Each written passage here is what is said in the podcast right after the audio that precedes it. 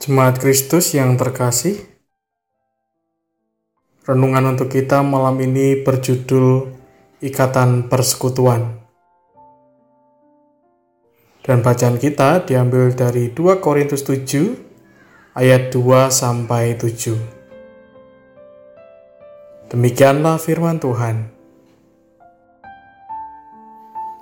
Berilah tempat bagi kami di dalam hati kamu kami tidak pernah berbuat salah terhadap seorang pun, tidak seorang pun yang kami rugikan, dan tidak dari seorang pun kami cari untung.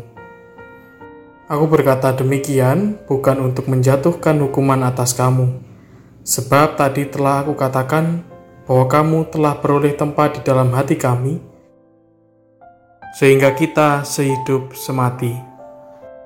Aku sangat berterus terang terhadap kamu tetapi aku juga sangat memegahkan kamu. Dalam segala penderitaan kami, aku sangat terhibur dan sukacitaku melimpah-limpah. Bahkan ketika kami tiba di Makedonia, kami tidak beroleh ketenangan bagi tubuh kami. Di mana-mana kami mengalami kesusahan, dari luar pertengkaran, dan dari dalam ketakutan. Tetapi Allah yang menghiburkan orang yang rendah hati, telah menghiburkan kami dengan kedatangan Titus, bukan hanya oleh kedatangannya saja, tetapi juga oleh penghiburan yang dinikmatinya di tengah-tengah kamu.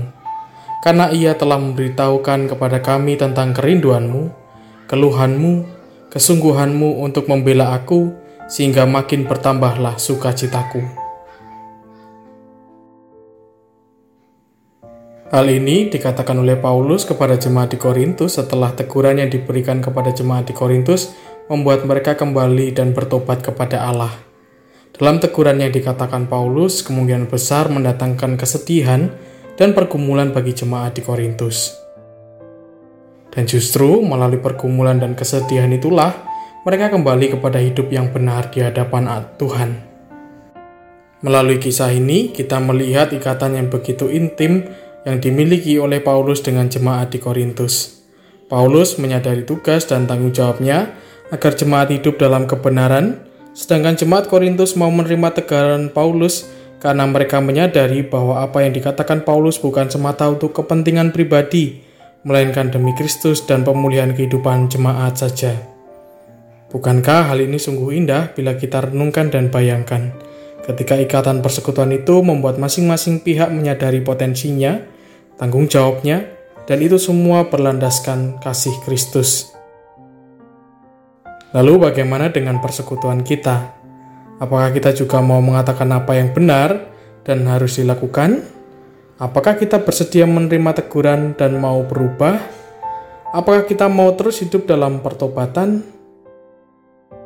Apakah kita mau terus membagikan kasih walaupun kita mendapat teguran dari kesalahan yang kita perbuat?